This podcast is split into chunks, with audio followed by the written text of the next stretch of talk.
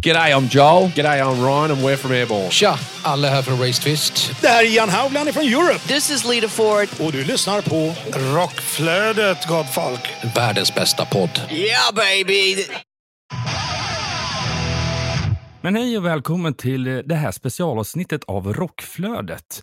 Ja, nu kommer du få höra hela intervjun vi gjorde i slutet av förra året med Gernika Mancini ifrån Thundermother. Ah, det blir mycket skratt och ja, vi fick eh, veta ett, ett och annat om hur musiken kom till hennes liv. Och nu när du ändå hör det här, kanske i din poddapp, glöm inte bort att följa oss där. Eh, Och slå även på ringklockan så att du absolut inte missar nästa avsnitt av Rockflödet. Vill passa på att du även följer oss på sociala medier som Facebook och Instagram. Sök kort och gott på Rockflödet. Nej, nog snackat. Nu hoppar vi över till intervjun med Gernika Mancini från Thundermother.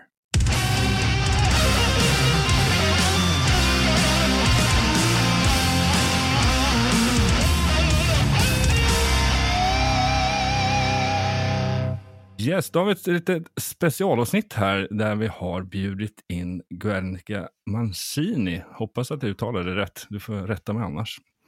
Eh, Nästan. Ja. Välkommen till, till Rockflödet. Vad kul att få vara med. Ja, det är kul att du eh, tackade ja så himla snabbt dessutom. Snabba puckar. Mm. Ja. Hur är läget med dig? Ja, men det är jättebra. Mm. Eh, som eh, jag nämnde lite innan här, eh, att eh, men det är, vi är lediga nu, vilket är jätteskönt och behövs. Eh, men jag är inte så bra på att vara ledig, så att eh, det är lite svårt. Men eh, nyttigt och obviously behöver jag verkligen det och vi Mm. allihopa efter den långa turnén som vi var på. Så. Hur länge har ni ledigt nu? Nu har vi ingenting förrän i april. Åh, fan. Ja. Mm. Långledigt. verkligen långledigt. Eh, vi får se om det dyker upp någonting annat men vi, vi är alla rätt glada för att kunna ha en lite längre period och kunna fokusera på lite olika saker och sådär. Precis. Mm. Och en, av, en av sakerna att vi, eh, att vi pratar här idag är ju för att det är lite motsägelsefullt mot det du säger. Att du, eller både rätt och fel. Du har, du har svårt att vara ledig, så därför så satsar du någonting solomässigt. Mm. Eller hur? Helt jävla knäppt. Man måste ju passa på att maxa tiden. Eller hur? Precis. Så det ska vi såklart prata om lite senare. Men jag tänkte, brukar i mina intervjuer ganska ofta ställa en rak och enkel fråga. Och det är, vad är ditt första musikminne? Åh, första musikminne. Um, alltså det allra första som kommer upp just nu det är när jag såg min pappa spela på Kulturnatten i Lund. Mm. Han spelar i, något, i ett coverband, har jag för Mm. mig. Så, så satt där vid sidan av scenen och, och såg det. Ehm, så det, det. Jag tror det är mest så här pappas gig. Jag kan inte komma ihåg mitt första liksom så här riktiga band, eller vad man ska säga. Nej. Fattar vad jag menar. Nej. Hur såg uppväxten ut rent musikmässigt? Fanns, det, det låter ju som att det fanns massa musik runt omkring dig. Jo, men absolut. Jag, ehm, alltså mina föräldrar lyssnar alltid på musik hemma. Eh, och det var rätt mycket blandad musik. Mycket latinamerikansk musik i och med att mina föräldrar är från Uruguay. Ehm, jag vet att, ehm, men det var också liksom Beatles och så jag var ett Beatles-hem. Jag lyssnade all, det var inga Rolling Stones hemma. det har jag upptäckt själv. Det känns säkert som att det är liksom antingen eller. Antingen så Jo men det var ju så för den generationen. Det var ju väldigt uppdelat om jag har fattat det rätt. Mm. Eh, Så Ja, man var ja. antingen det ena eller det andra campet. Um, Ja, men det är lite Och- som syntare och hårdrockare som det blev senare. Liksom. Det var Mm. Beatles versus Rolling Stones. Mm. Ja men typ så. Fast nu, jag tror de gillar båda. Och det var mer att det var Rolling Stones och band som typ liknade, inte Rolling Stones jag menar, The Beatles, som liknade dem Mm. ehm, på spanska och sådana grejer vill jag minnas. Och sen var pappa väldigt stort eh, Gloria Stefan, Gloria Stefan, ni vet. Mm. Ja. Ehm, så att eh, det var mycket sån musik. Så det var, det, det var liksom väldigt blandat och alltid musik. Och sen ehm, i och med att han spelar, min pappa är trummis eh, på hobbynivå, men trummis har alltid spelat. Ehm, så får man ju, fick man ju hänga med och se när han spelade eh, antingen vanligt band eller eh, han spelar faktiskt än idag, Candombe som är sån här, eh, det är typ som samba som kommer från Sydamerika, från Uruguay specifikt. Eh, så han spelar fortfarande i såna här eh, jag, vet, jag vet inte vad organi- gruppen heter, men de, det är typ en komparsa, det är flera olika trummor och så kör de på karnevaler och sådana grejer. Så det var mycket sånt för mig när jag var liten. Och sen övergick det till att, eh, men när jag själv ville börja sjunga och sådär så, det som var lättast och närmast i hand var ju kyrkokören i området där jag bodde. Eh, så då började vi sjunga där, jag och min syster. vi är inte så jättereligiös familj, det låter ju superreligiöst när man säger så, men eh, det var mest för att sätta oss barn i någon aktivitet. Ja, men det är ganska vanligt, för jag kommer ju själv från en, en eh, liten by, kan man ju kalla det för. Liksom, och, eh, det var ju massa aktiviteter, alltifrån sportaktivitet som innebandy på vintrarna och så, sådana typer av grejer. Det var, då var det en frikyrka liksom, som höll i det, så det var hyfsat Mm. vanligt att man ja, slängs in i Ja men precis, och det, ja, men jag tycker det är väldigt trevligt och tacksamt att det fanns. Eh, eh, men ja, vad kan man säga sen? Eh, Ska jag dra hela? Nu drar jag hela. du Du gick från barnbond. Nej men sen så, eh, jag vet inte, jag kan inte liksom komma ihåg en tid där jag liksom inte drömde om att göra något med musik eller pyssla med musik på något sätt. Jag, I ett, tvåan, för det var uppdelat så, jag gick i sk- grundskolan, ehm, då hade de talangjakt på, eh, liksom på skolan och då minns jag att i tvåan så var det jag och några kompisar som skrev ihop en låt. Så det var nog första gången jag skrev en låt. Um, en riktigt Ja, pampig... På den tiden var det ju väldigt inspirerat av Melodifestivalen så jag kände att man skulle alltid dra in eh, väderstreck. Ja men du vet, det skulle vara Ja. vindar och hit och dit. Eh, men eh, just den låten handlade om häxor, kommer jag ihåg. Och den kom vi tvåa med i talangtävlingen, där, talangjakten på skolan. Snyggt! Ja, det var fan snyggt. Alltså, skriva, skriva, en låt, eh, skriva en låt redan i den åldern också. Det, är ju, det Ja, känns men jag började öva på min autograf redan då kan jag säga. det var mycket att titta liksom i Okej-tidningen och i Frida. Och, Ja. ja, men, jag vet inte, jag var ett stort Spice Girls-fan. Mm. Eh, och eh, ja, men när det kom så, jag vet inte, det var mycket popmusik för min del till en början. Mm. Så jag älskar väl alla boybands, Spice Girls var ju absoluta favoriten. Um, Ungefär vilken tidsserie, ja, det, du säger det själv med Spice Girls och sånt där. Men, så det, ja, men det måste ju varit 95, 96 Ja. en gång. Mm. Så jag var rätt liten. Och sen så, jag har ju två stora systrar så de tog ju hem musik också. Så jag Mm. minns att eh, min äldsta syrra, hon gav oss bland annat den här första Spice Girls-skivan, vilket var coolt liksom. Eh, men eh, jag minns att hon tog med hem den här Tragic Kingdom-skivan med No Doubt, vilket var jag vet inte, Gwen Stefani har satt sådana djupa spår i mig. Jag tror inte det syns eller hörs så mycket i det jag gör själv, men ehm, hon har alltid varit en sån jävla ikon för mig. Mm. Hur hon ser ut, hur hon förde sig, hur hon var... Allt. Jag tyckte hon var så jävla badass. Ehm, Ja, det kan man verkligen säga. Det, Gud, ja. den, den, den kom precis i samband när jag flyttade upp till Stockholm, vet jag. Så att det var mycket den skanken än se- senare. Ja men eller hur, det var så jäkla mycket bra. Um, jag har ju fått upptäcka mycket efterhand. Jag liksom, Det har varit mycket pop och eh, R&B och hiphop och sånt genom hela min uppväxt. Mm. Ehm, och jag älskar all den musiken än idag. Men rocken har liksom smugit sig in lite allt eftersom.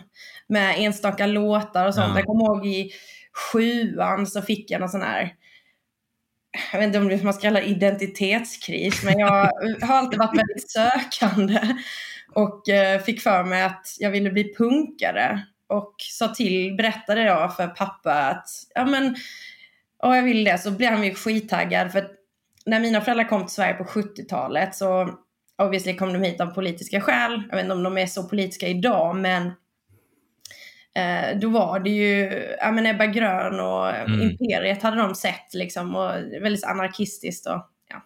Ja, hela, hela, jag vet inte, ni kan, ni, för, ni kan fatta själva. Ja. hela den Eh, där proggperioden också. Ja men eller hur. Och liksom, ehm, så när jag sa att jag ville ha det så då gick faktiskt han och köpte direkt eh, Ebba Gröna röda samlingsplattan och en Imperiet-platta och så var det, det var ändå sådär fint moment. Eh, jag tror, jag har någon viss stolthet där i att jag ville gå in i det.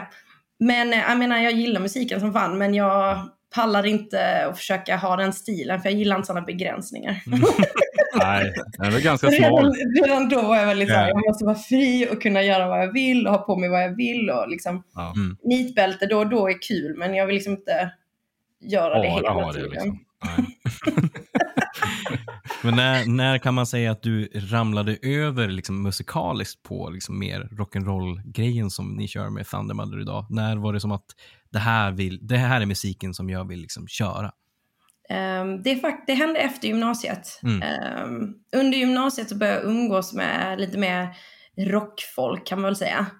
Ehm, och de introducerade mig, eller på något konstigt sätt kände jag att jag fick tillåtelse att gå in i det. För att jag har alltid varit, det här kan man säkert gå djupare i den här konversationen, men att i och med att jag har haft eh, uruguayansk, eh, påbrå och är då latino och, och blivit väldigt um, stereotyp satt i liksom R&B hiphop-facket. Vilket till viss del är ändå sant och jag spelade basket så det var liksom mycket som bara jag vet inte, jag, jag blev satt i det facket rätt hårt och jag gick väl in i det själv till viss del.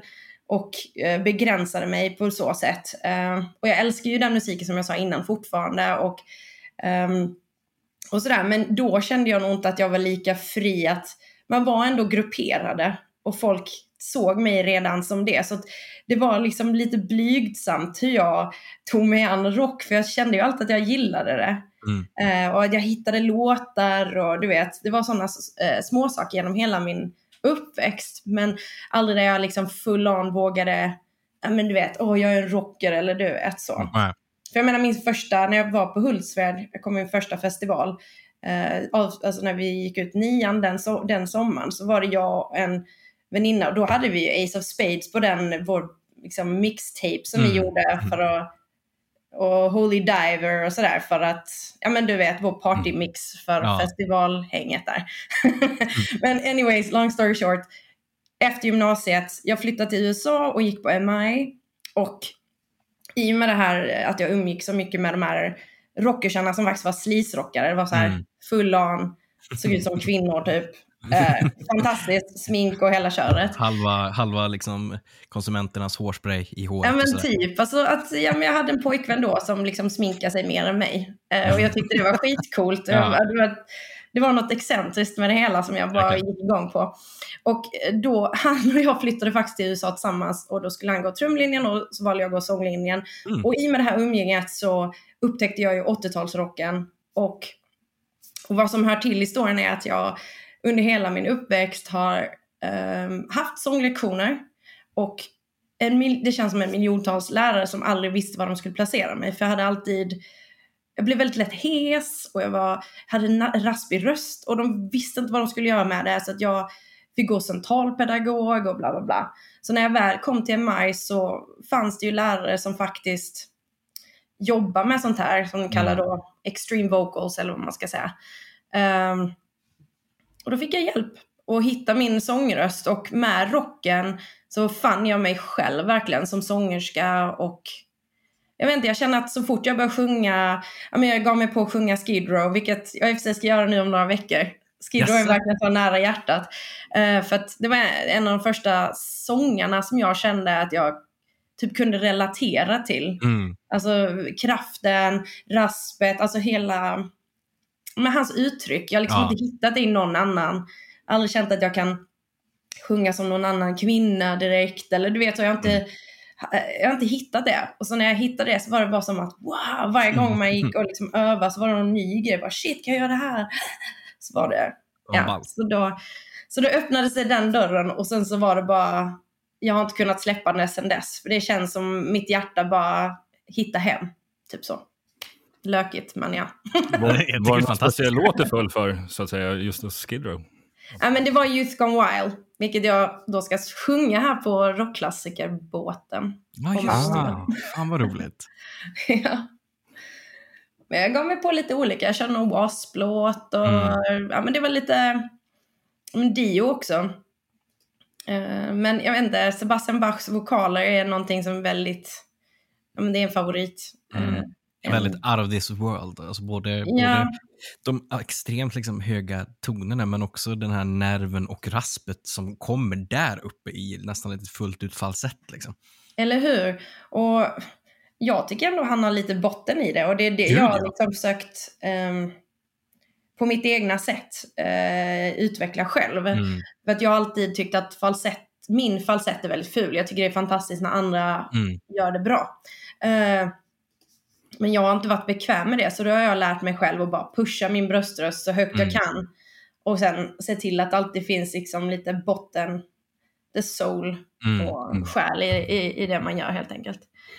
Så ja, Måste ju passa på att bara fråga, vad tycker du nu när Erik Grönvall har gått in i Skid Row? Rent personligen. jag, jag tycker det är skithäftigt. Mm. Han är en fantastisk sångare. Alltså, jag har inget, en, liksom, en respekt för honom. Jag tycker det Mm.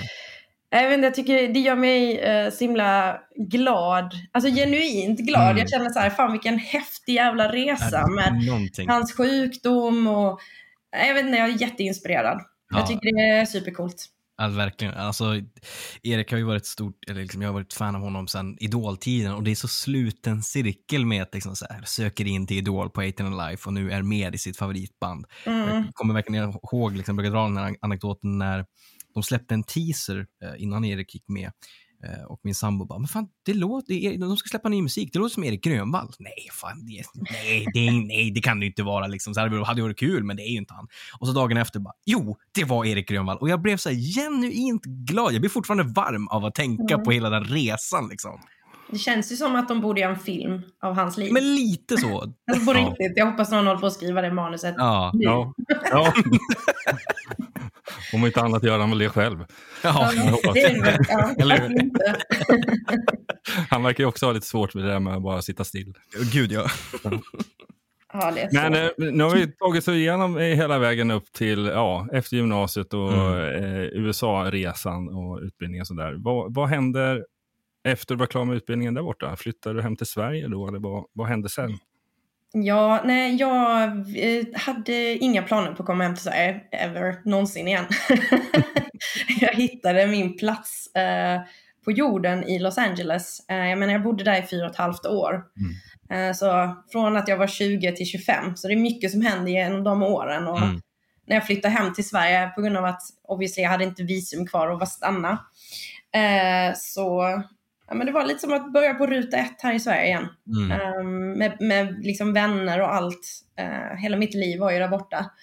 Um, så nu ångrar jag inte det överhuvudtaget för att jag är där jag är. Och det är mycket roligt som har hänt sen jag kom hem, även om jag känner mig supermisslyckad och deprimerad mitt Mm. första år tillbaka i Sverige.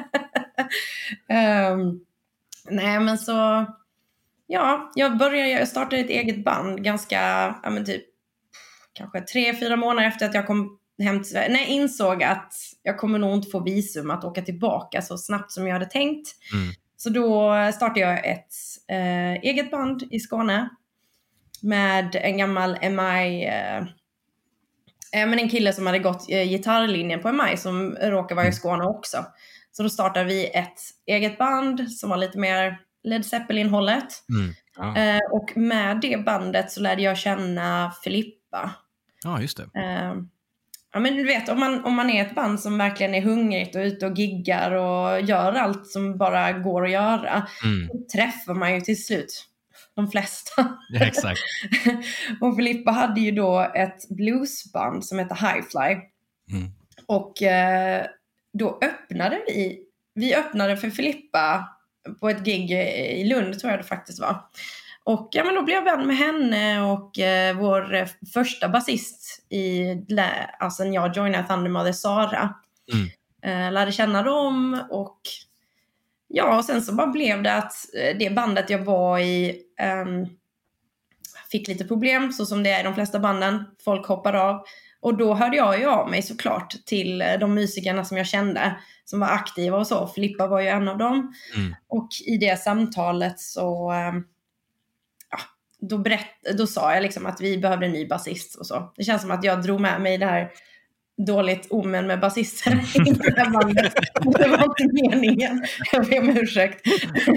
Men eh, så skrev jag till Filippa och eh, så sa men i det samtalet så nämnde hon, ja men vi har också lite problem. Och då sa hon ju inte att alla hade hoppat av. Utan lite, så här, lite löst, ja men vi har också lite problem. Så då um, jag har ju den, jag vet inte om jag ska kalla, säga att jag lärt mig det i USA eller att jag bara är en sån go-getter. Men, Mm. uh, ja, men då tog jag chansen och skrev liksom att ja, men behöver du en sångerska så kommer jag. jag är gärna audition. Ehm, och eh, ja, sen så, ja men då sa hon ju, ja men jag vill göra audition, så gjorde jag det några månader senare. Men jag tänkte ju aldrig att en sångerska skulle hoppa av ett band. Nej. Alltså, med tanke på hur jag själv är så kunde inte jag riktigt, den tanken var så himla långt borta att när jag sa det så var det ju, så tänkte jag faktiskt aldrig att hon skulle svara ja på det. Eh, Utan, eh, ja. Men sen var det bara, det var väl obviously meant to be. Verkligen. Eh, Vad blev reaktionen när du fick eh, det mejlet tillbaka då, eller meddelandet? Uh, nej, men jag blev skitglad. Mm. Alltså verkligen. Jag, bara, för, alltså, är det någonting jag alltid, eller som jag har älskat sen, men jag vet inte om det börjar med Spice Girls eller vad det är, men jag har alltid tyckt att det är skitkul att jobba med andra kvinnor. Mm. Eh, och jag tycker det är så jävla häftigt och jag tycker det behövs mer. Mm. Eh, och jag tycker alltid det är inspirerande och coolt att se andra kvinnor våga ta för sig och göra sin grej. Mm. Det är klart det är kul med killar också men det, det finns ju ett överflöd. Eh, så då känns det ju definitivt mer speciellt i musikbranschen, framförallt då i rocken med Mm. andra kvinnor som är lite mer likasinnade då.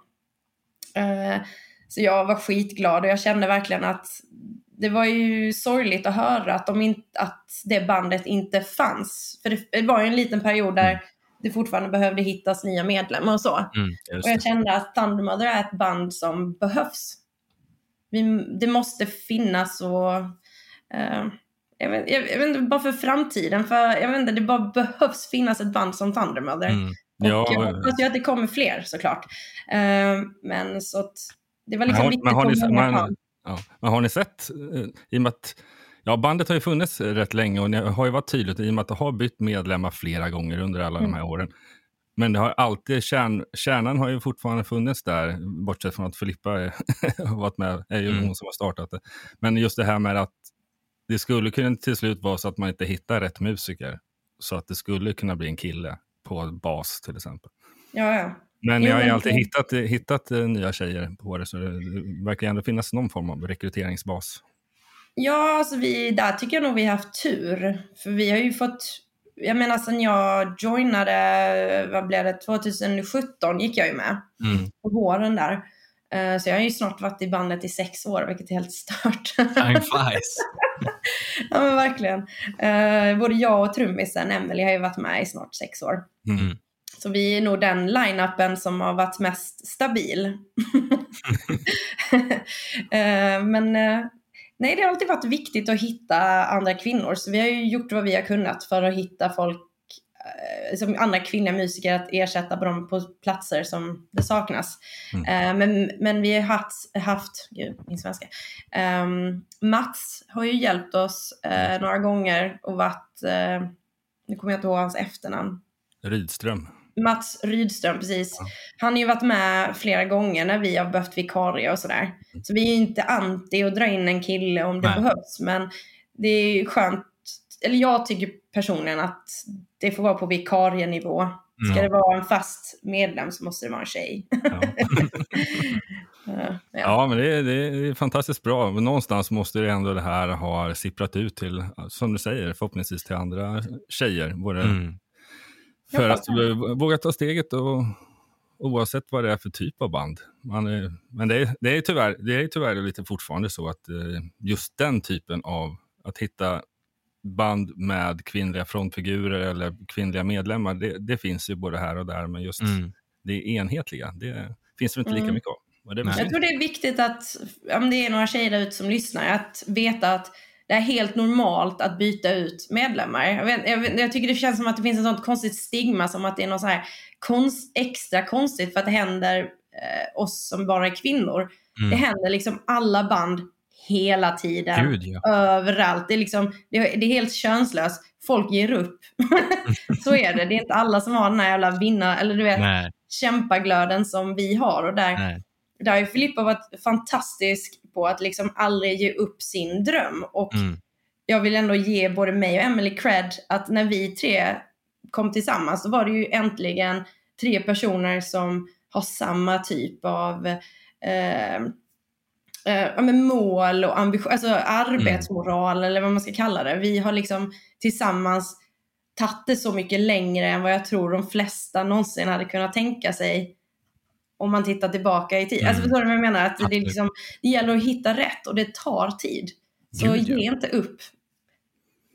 Nej, men- verkligen inte. Det är, det är ju superviktigt. Eh, och det gäller ju såklart alla band. Det är att det, handlar ju, det är lite som vilken relation man än har. Alltså, Mm. det finns ju ingenting som är for life bara för att. Nej, gud Nej. nej. Jag menar, titta på band som typ så här Deep Purple eller Dio eller Whitesnake. Jag menar, de har ju haft hur många medlemmar som helst. Byten under de år som det har funnits. Jag tror det finns så här 40 olika medlemmar som har liksom florerat, genom det, de banden. Liksom. Mm. Men pratar folk om det som om det vore märkligt? För jag tycker när det, när det sker förändringar för oss så blir det ju väldigt så här. Ja men jag vet, eh, så här lite stereotypaktigt Mm. att tjejer inte kan jobba ihop. Vilket, jo, det, det- känns det- ju säkert, det är nog kanske mer vanligt att man tyvärr pratar om det på det sättet. Ja, Ja. precis. och det är det jag vill ändra. Det är helt Mm. vanligt att Gud ja. shit happens, det vill Oh, gå ja. vidare liksom. Life happens. Men nu i berättelsen så har du, är du, har du ja, för då sex år sedan så blev du medlem i Thundermother, vilket Mm. du fortfarande är idag. Ja. Och det har ju hänt väldigt mycket på de här åren. Gud, ja. eh, både en pandemi och eh, massa, mycket mer roligare saker än det. Mm. Mhm. Men hur var första turnén? Uh, usch, den var grym. vi åkte iväg och öppnade för eh, The Dead Daisies runt om i Europa. Mm. Eller du menar första turnén med Thundermother? Ja, Nej, ja, ja, ja, ja exakt. Förlåt. Ja, så det var den sommaren 2017. Eh, och det var min första riktigt långa turné. Mm. Med mitt gamla band hade vi varit iväg kanske fyra, fem dagar. Men Mm. nu var det två veckor. Vi bodde i husbil. Kaos. Life on the road. folk man, inte, man har knappt lärt känna de här bandmedlemmarna och ändå ska man liksom dela säng med folk. och så här. ja, det, var, det var en riktigt kul upplevelse. På den tiden så jag gick väl in med rätt så här omogna tankar om att det skulle vara lite så the dirt vibe. Eh, att, men du vet, jättekul bok för övrigt. Men, Mm. eh, men just det här med liksom, eh, man är rockstjärna och Mm. groupies och du, du, då var jag ju singel och tänkte woho, det här blir överhett. Vi ska bara live life. Eh, men så fick jag en ganska hård reality check att Mm. så ser inte livet ut för kvinnliga musiker. På gott och ont. Mm. Så att det blev en helt annan typ av sommar men det var jävligt kul och sjukt mycket fest. Mm. Så det var, det var mycket, mycket fest och partajande eh, som man har fått dra ner på såklart med åren. Var det någon speciell spelning som eh, stack ut? Alltså vi hade ju en som var så lite mer ångest än någonting annat. Eh, vi hade ju inte material för 90 minuter. Och eh, vi var i Hamburg och skulle spela. Detta var liksom, ja, men du vet så som vi, vi hade mm, gig med The Dead Daisies och sen hade vi våra egna gig Ja. liksom, inbakade så att det skulle bli en bra turné. Mm. Och då ska vi spela på någon sån här Harley Davidson-event i Hamburg, stora scenen, rätt bra tid. Jag tog, ja men du vet, 8-9 och sånt. Ja. Och vi ska spela 90 minuter och vi har kanske 40 minuters material. och jag hade, alltså ska jag vara helt ärlig, jag, jag vet inte hur mycket jag, jag har, varit, jag har haft jävligt svårt med att lära mig texter och sånt också. så det har varit så jävla hårt Björn Skifsande och ehm, och tjejerna fick göra drum and bass, eh, instrumentalt parti. Ja, men det var så jävla pinsamt och ångest hela grejen. Men eh, folk var ändå glada, jag vet inte, fulla tyskar Ja, var vad som helst. Nej, men, nej, men eh, vi, vår karriär fick ändå fortsätta efter det, så det var ju fint. men det var en riktigt sån, åh, jobbigt, eh, jobbig stund. Precis, Ja. verkligen. Ja. Och nu har ni kommit hem som sagt från en ännu större turné med Scorpions. Berätta, hur, hur, hur var den? Det måste ju varit surrealistiskt. Dels alltså USA-turné på den magnitud, men också att få, få liksom öppna för ett av de ädlaste rockbanden som har funnits från Tyskland. ja, det, det var jättekul. Det var en sån ära att bli tillfrågad att få Mm. göra den turnén. Ehm, och jag är så jävla stolt över att, att vi gjorde det och vi gjorde det så jävla bra om man får säga så. Kul! Det är Kan bra. man få säga så? Fuck jantelagen. Nej men jag är skitstolt. Jag tycker vi har vuxit som band och vi är så jävla tajta och vi har lärt oss med allt vi har gjort verkligen hur man tar sig an en större scen. Mm. Och det, det är ju tack vare alla gig vi har gjort genom åren. Eh, Så jag är jättestolt över det. Men det var skithäftigt att spela på arena Mm. för så mycket folk varje kväll. Och att Scorpions var så himla schyssta och välkomnande mot oss. Och deras crew var jättehjälpsamma och ja, men hela upplevelsen var magisk. Och jag, jag har förstått det som att de flesta förbandsupplevelserna är ju inte så här. Nej. Eh, att man får eh, den fina liksom, behandlingen som vi har fått och att Scorpions tog sig tid att komma och hälsa på oss. Liksom redan andra gigget. Finns det ett, en, en rolig video på Instagram man kan se. När Klaus ber mig liksom huka mig för han vill honom.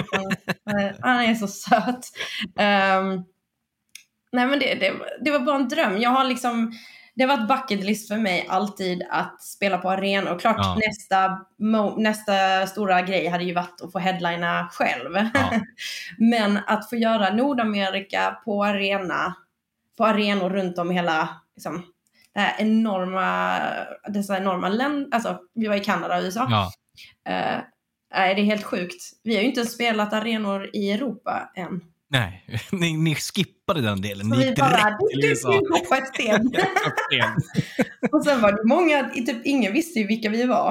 Eh, så det var också lite kul att du vet kunna eh, ja men du vet övertyga folk Ja. på plats och sådär så att eh, fick en massa nya fans och folk trodde ju att vi hade ersatt Whitesnake vilket Ah, vi var ju med från början Ja. innan Whitesnake eh, ställde ja, in. precis. Eh, Så bara det var ju jävligt häftigt för det betyder ju också att vi är, jag menar obviously vi är ju inte Whitesnake så det är inte det jag säger, men att vi var en lika bra akt som, du vet att de trodde att vi hade fått ersätta dem. Det är ganska stört. Verkligen. Precis, precis. och någonstans eh, har man ju under den här resan sett att någonting har ju hänt med följet liksom också. För man har ju lite kunnat sett, för jag, var, jag blir så nyfiken när man ser ja, den här typen av händelser som ni har varit med om och åka. Då händer det någonting genom att bara kolla på Spotify och antal månads, månatliga lyssnare. Den har ju Mm. ju stadigt ökat under den här turnén Ja. på något sätt. Nej, men jag, jag är lite nördig med sånt själv. Eh, och när vi släppte Black and Gold, vår senaste platta, då var vi ju typ så här nära, alltså supernära att eh, passera 500 000 månadslyssnare på Spotify.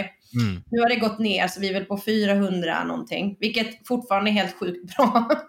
Eh, Men jag är lite så tävlingsmänniska så jag gillar ju att vi hela tiden ska ha bättre och bättre resultat. Men, så det, det, är ju liksom, det går ju vågor men under turnén såg vi ju att vi fick jättemycket mer följare på, all, på både Facebook och Instagram och, och eh, ja, folk har upptäckt oss eh, och det är jättekul eh, där borta och vill att vi ska komma tillbaka och sådär. Så att jag hoppas att vi får göra Nordamerika-turné ganska snart igen. Fan vad roligt att alla var så pass trevliga. Och jag, det måste ju också vara lite skönt med tanke på att eh, tyskarna som kanske inte alltid är så jättebra på engelska, att man hade med sig Mickey D som ändå kunde prata svenska, eller? Nej, men de, de, är, de, har, de har grov eh, tysk brytning, men eh, de är faktiskt väldigt duktiga på engelska. De är det? ja, vilken tur, för det är inte alla som... När man har man mött på liksom, tyskar som är liksom, musiker som man har lirat med, som man liksom, det, det är inte det, liksom, det bästa uttalet alla gånger. Nej. Och inte det, ibland en vilja att vilja lära sig heller. Liksom. Eh, men nu när, liksom, när ni, som, som vi var inne och nallade på i början på det här avsnittet, eh, du är ledig, ni är ledig, men samtidigt så har du svårt att sitta still och vara ledig. Så du har ju släppt en, en första singel. Du har liksom påbörjat din solokarriär. Hur liksom, har, det här, har det här legat och bryggt ett tag eller var det här någonting som man liksom kom på under turnén, att man visste att man skulle vara ledig och att nu är det en bra idé att köra det här? Um, det, det är något som har legat och marinerat nu i Mm. över ett år. Eh, jag blev signad förra året ehm, eh, av ett skivbolag som heter Golden Robot Records Mm, som är i Australien. Ehm, och det var efter att jag hade gjort en duett med ett band som heter King Zebra och då hade eh, han, som, är, han som har skivbolaget, Mm. Mark, hört låten och undrat liksom, vem är den här tjejen? Liksom, och bla, bla, bla. Mm. Eh, och då det är väl lite headhuntad där kan man Ja. säga. För jag har, kul. alltid, jag har alltid tänkt någonstans i mitt huvud att det är klart jag vill göra sololåtar någon gång. För Mm. det, man är en kreativ person och jag gillar ju alla möjliga typer av eh, musik och rock och Mm. bara lite mer blandat. Ehm, så det är klart, det är någonting som jag alltid tänkt att det ska jag göra vid tillfälle. Mm. Eh, men jag älskar att vara i ett band. Så jag har också varit så här kluven för att jag är riktigt sån här team player och älskar just gruppdyn, alltså jobba i grupp. Ja, kan vara skitjobbigt men också så sjukt givande att verkligen. kunna liksom stå på backen och så vet man att vi fyra i det här bandet är de som fattar hur det här känns. Ja. Och ja, men du vet de här stunderna som är helt sjuka man upplevt. Mm. Eh, men i alla fall. Eh, de signade mig, eller jag, ja, de approachade mig om det och så Mm. tänkte jag, men varför inte liksom. Eh, och så gick det, så började jag skriva låtar när det fanns tid ledigt. eh, med lite olika folk och jag håller fortfarande på med det för att det är faktiskt inte klart. Mm, 100% okej. Allt jag ska Mm. släppa det är väldigt löst det här. Ta det lite grann som det kommer. ja men lite så. Jag tror att eh, nästa singel har jag bestämt och jag Okej. tänkte att den kanske, drömscenario är att den släpps i februari.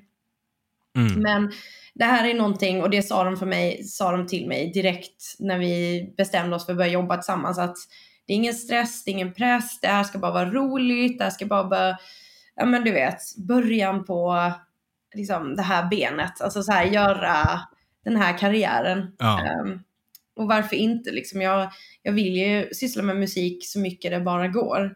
Så att, tänkte jag, ja men det blir ju skitkul att göra, men ja, det tog mig ett år liksom att, eh, för då, precis som du sa, vi var på turné, jag visste att vi skulle ha ganska le- rätt mycket ledigt efteråt. Så då tänkte jag, ja men det här blir perfekt timing för då har jag faktiskt tid att lägga fokus på sologrejen och ehm, ja, det, det ska liksom inte vara i vägen för Thunder Mother eller något sånt, utan Nej. det ska bara komplettera snarare än någonting Ja. annat. Eh, Och det tycker jag det har gjort. Och nu har jag ju tid att eh, Tanken är att jag ska spela in en EP. Okej, Ja, så det blir inte liksom en fullängdare som först? Nej, inte, inte än. Nej. Det känner jag inte att jag har tid med. Eh, och, så, nej, men en EP tror jag blir ett första bra Mm. steg för att folk ska förstå att jag också gör saker själv. Ehm, nu gör jag ju inte dem helt själv. Jag skrev ju den här låten faktiskt med Emily, trummisen i bandet. ja, och eh, eh, en, eh, Johan Randén eh, i Mm. Skara. En jätteduktig låtskrivare. Mm. Eh, varmt rekommenderar honom. Han har även producerat låten. Så jag har tänkt att det här projektet kan jag göra lite mer som en, eh, men en mainstream-låt. En Mm. popartist hade gjort där du jobbar med olika producenter på varje låt, Ja. olika låtskrivare och man liksom bara provar olika saker. Sen får vi se. Ja. Eh, kanske blir en skiva i framtiden.